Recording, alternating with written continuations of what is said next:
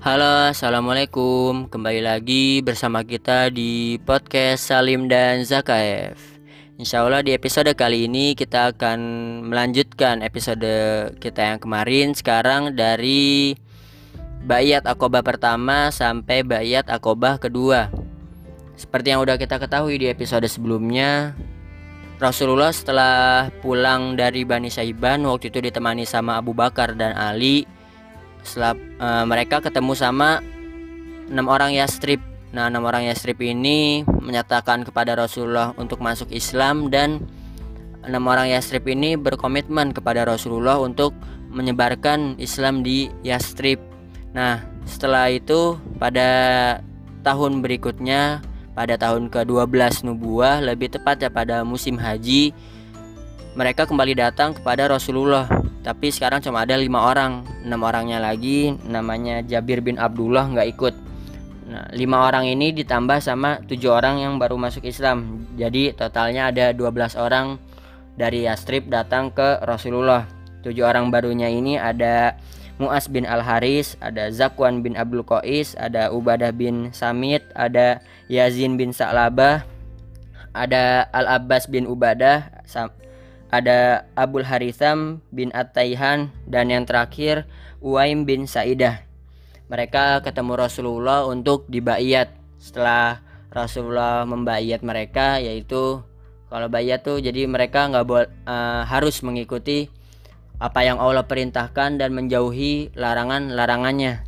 Setelah Rasulullah membayat mereka, Rasulullah mengutus seorang pemuda Mekah pemuda yang cerdas. Orang ini masuk Islam duluan, namanya Mus'ab bin Umair, diutus untuk jadi duta Islam di Madinah untuk menyebarkan Islam di Yastrib. Nah, pas sampai Yastrib ini, Mus'ab bin Umair ini nginep di rumah As'ad bin Zurarah. As'ad bin Zurarah waktu itu udah masuk Islam. Setelah itu, Mus'ab bin Umair sama As'ad bin Zurarah menyebarkan Islam di di Yastrib. Waktu itu namanya masih Yastrib, jadi Nah, setelah mendapatkan beberapa orang yang masuk Islam, uh, khususnya dari kalangan-kalangan miskin atau kalangan-kalangan orang lemah, mereka ini berdua memberanikan diri datang ke pemimpin Bani Al-Ashhal, yaitu Sa'ad bin Mu'az sama Usaid bin Hudair. Dari mereka berdua ini yang duluan masuk Islam, Usaid bin Hudair.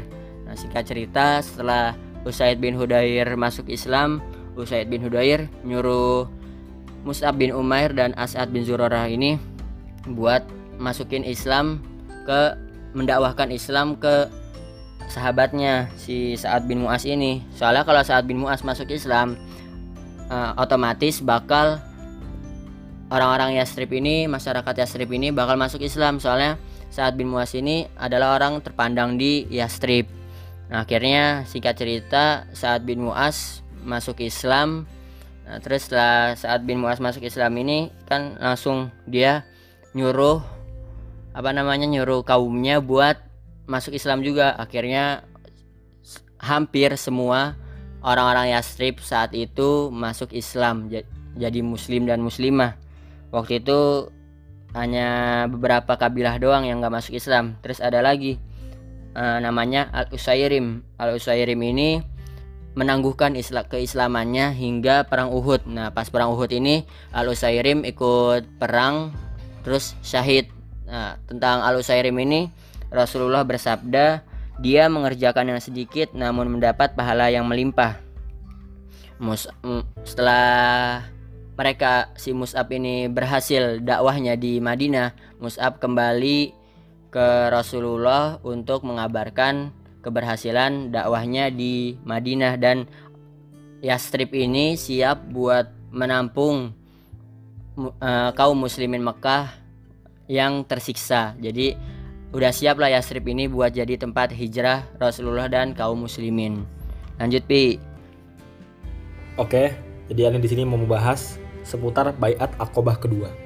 Jadi, pada musim haji tahun ke-13 dari kenabian, yaitu kira-kira pada bulan Juni tahun 622 Masehi 70 lebih jadi 70 lebih beberapa orang gitu kaum muslimin dari penduduk Yathrib datang untuk menunaikan ibadah haji mereka datang bersama rombongan haji kaum mereka dari kaum musyrikin Jadi yang seperti telah kita ketahui kan, kalau ritual ibadah haji ini tidak hanya dilakukan oleh orang-orang muslim saja, orang-orang Islam saja.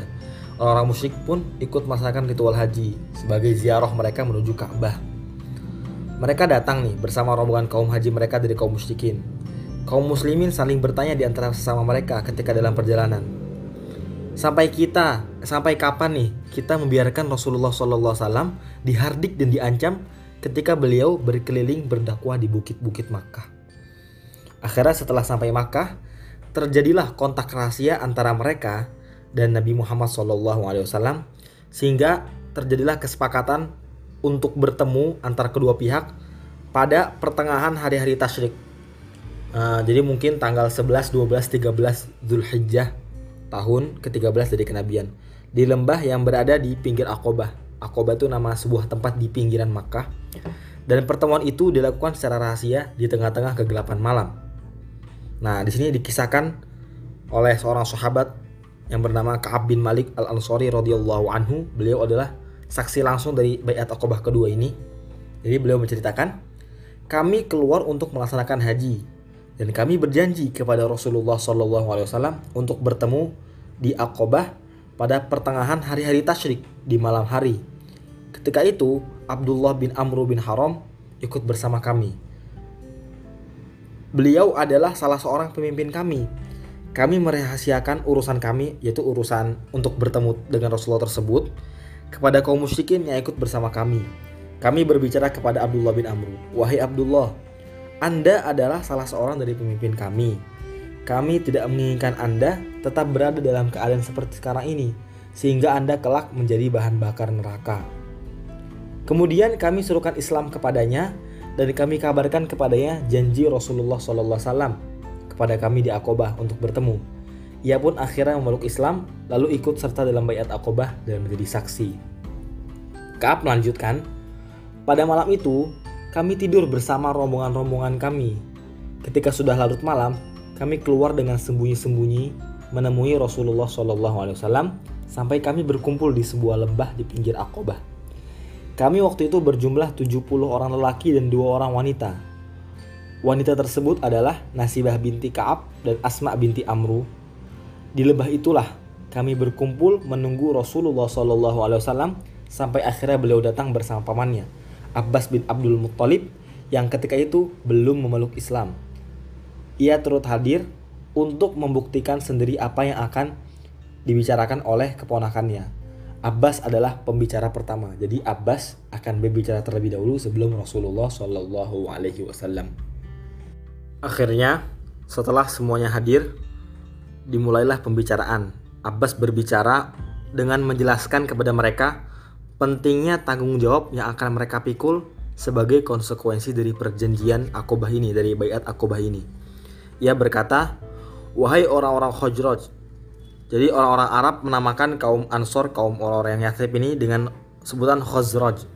Walaupun sebenarnya orang Yathrib tidak hanya berasal dari suku Khosroj saja. Kata Abbas berbicara, "Wahai orang-orang Khazraj, sebagaimana kalian ketahui, Muhammad adalah kerabat kami. Kami melindunginya dari gangguan orang-orang yang sependapat dengan kami mengenai dia. Ia mendapat perlindungan dari kerabatnya sendiri dan di negerinya sendiri. Tetapi ia menginginkan untuk bergabung dengan kalian. Jika kalian bersungguh-sungguh akan setia kepadanya dan kepada agama yang diserukannya, dan kalian sanggup melindunginya dari gangguan orang-orang yang memusuhinya, maka tanggung jawab keselamatannya kami serahkan kepada kalian.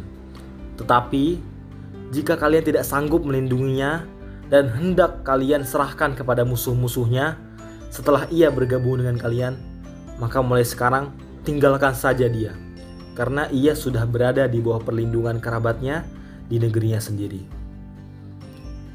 Kemudian, para kaum muslimin yang berasal dari Yathib tersebut menjawab, kami telah mendengar apa yang Anda katakan. Sekarang kami meminta agar Rasulullah SAW berbicara sendiri kepada kami. Wahai Rasul, katakanlah apa yang Anda inginkan dan diinginkan oleh Rob Anda kepada kami. Jawaban dari para sahabat tersebut menunjukkan bahwa mereka memiliki tekad yang kuat, keberanian, keimanan, dan keikhlasan dalam memikul tanggung jawab besar itu dan dalam memikul konsekuensinya. Setelah itu Rasulullah Shallallahu Alaihi Wasallam pun memberikan penjelasan dan bayat pun dilaksanakan. Nah, apa sih isi dari bayat tersebut? Isinya adalah berjanji yang pertama nih, berjanji untuk taat dan setia kepadaku baik dalam keadaan sibuk maupun senggang. Yang kedua, berjanji untuk tetap berinfak baik dalam keadaan lapang maupun dalam keadaan sempit. Ketiga, berjanji untuk tetap melakukan amar ma'ruf dan nahi munkar.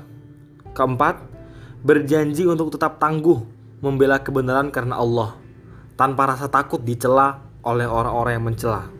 Kelima, berjanji untuk tetap membantuku dan membelaku apabila aku telah berada di antara kalian. Sebagaimana kalian membela diri kalian sendiri dan anak istri kalian. Dengan demikian, kalian akan memperoleh surga.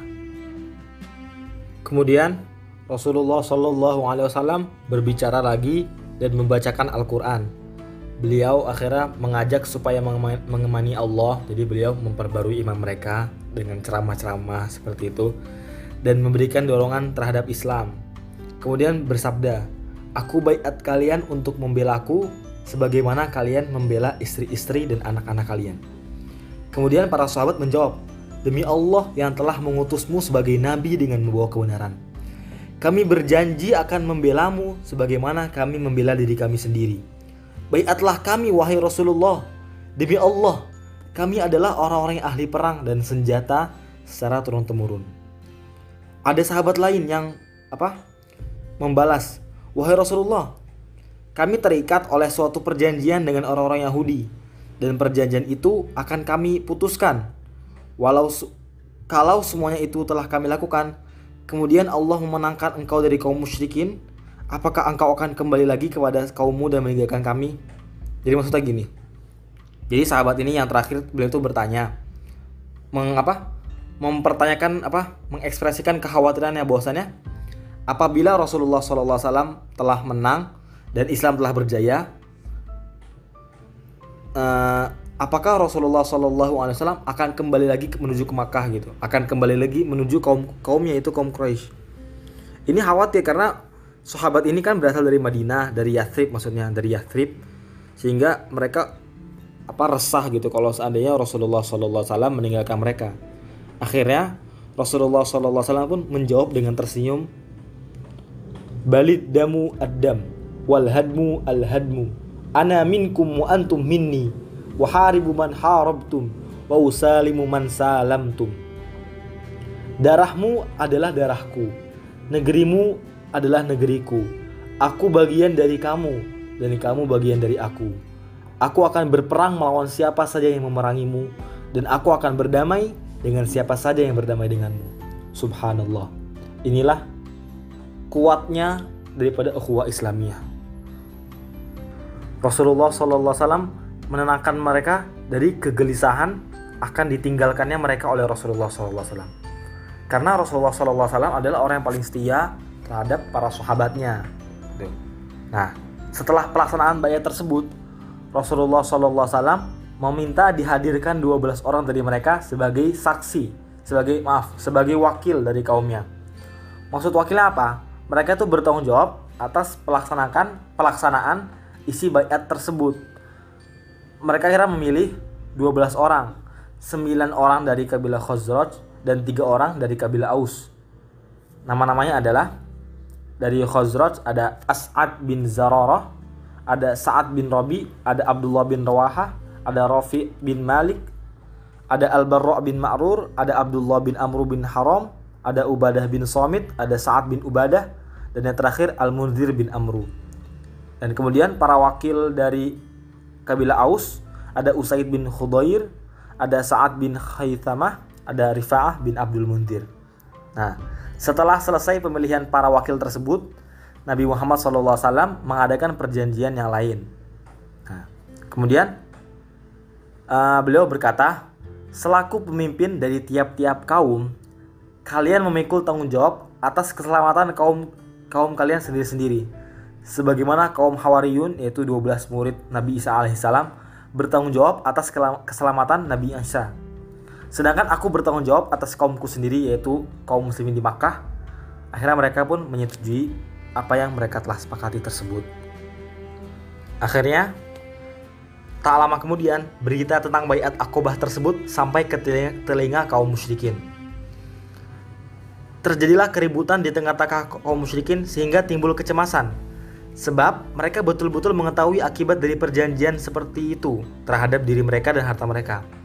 Akhirnya keesokan harinya, sejumlah tokoh kaum Quraisy datang ke perkemahan orang-orang Yathrib untuk menanyakan perihal tersebut. Mereka berkata, Wahai orang-orang Khazraj, kami mendengar bahwa kalian telah menemui Muhammad dan mengajaknya pergi dari kami. Dan kalian juga telah berbaiat kepadanya untuk melancarkan peperangan terhadap kami. Demi Allah, tidak ada yang paling dibenci oleh kabilah Arab mana pun selain pecahnya peperangan antara kami dan mereka. Nah, kaum musyrik Khazraj memang tidak mengetahui sedikit pun perihal bayat itu. Karena kan bayat tadi itu dilakukan malam-malam ya, secara rahasia dan di, di tengah kegelapan malam. Maka dengan spontan mereka memberikan kesaksian bahwa apa yang dikatakan oleh orang-orang Quraisy itu tidak benar dan mereka pun tidak mengetahuinya. Sehingga orang-orang Quraisy pun mendatangi Abdullah bin Ubay bin Salul, salah seorang pemimpin daripada Khazraj tersebut. Itu tidak benar. Eh, maaf. Maksudnya Abdullah bin Ubay berkata kepada orang-orang Quraisy, itu tidak benar. Tidak ada bayat itu. Kaumku tidak mungkin melakukan hal itu. Seandainya aku berada di Yathrib, kaumku tidak akan melakukan hal itu sebelum mereka bersekongkol untuk membunuhku. Sementara itu, kaum muslimin saling beradu pandang, lalu diam tidak ada seorang pun yang berkomentar. Para tokoh Quraisy itu akhirnya membenarkan kesaksian kaum musyrikin, kemudian pulang dengan tangan hampa. Akhir cerita, para tokoh Makkah pun pulang dengan perasaan setengah yakin terhadap kebohongan berita tersebut. Namun mereka terus mengadakan pengecekan sampai mereka memperoleh kepastian bahwa berita itu memang benar dan bayat itu memang telah dilaksanakan. Tetapi Berita itu baru mereka ketahui setelah rombongan haji kembali ke negeri mereka. Itulah Bayat Akobah yang dikenal dengan Bayat Akobah Kubro, Bayat Akobah kedua, berhasil dilaksanakan dalam suasana yang penuh dengan rasa cinta dan loyal di antara sesama kaum mukmin, serta kepercayaan dan keberanian. Untuk meniti jalan tersebut, seorang mukmin dari penduduk Yathrib berpihak kepada saudara-saudara yang lemah yang berada di Makkah, membelanya, marah terhadap orang yang menzoliminya, dan dalam kalbunya timbul perasaan sayang kepada saudaranya yang, yang ia cintai karena Allah. Perasaan kasih sayang tersebut tidaklah timbul dari suatu kecenderungan yang sifatnya sementara, tetapi berasal dari keimanan kepada Allah, kepada Rasulnya, dan kepada kitabnya, yakni suatu keimanan yang tidak akan lenyap di hadapan kekuatan kezoliman apa pun. Suatu keimanan yang dapat mendatangkan berbagai keajaiban dalam akidah dan amal. Dengan keimanan tersebut, kaum muslimin dapat mencatat dalam sejarah berbagai amalan dan meninggalkan bekas-bekas serta pengaruhnya yang tidak bandingnya baik masa lalu, sekarang dan mendatang. Cukup sekian dari kami. Kurang lebih mohon maaf. Sampai jumpa di episode selanjutnya. Wassalamualaikum warahmatullahi wabarakatuh. Barakallahu fikum.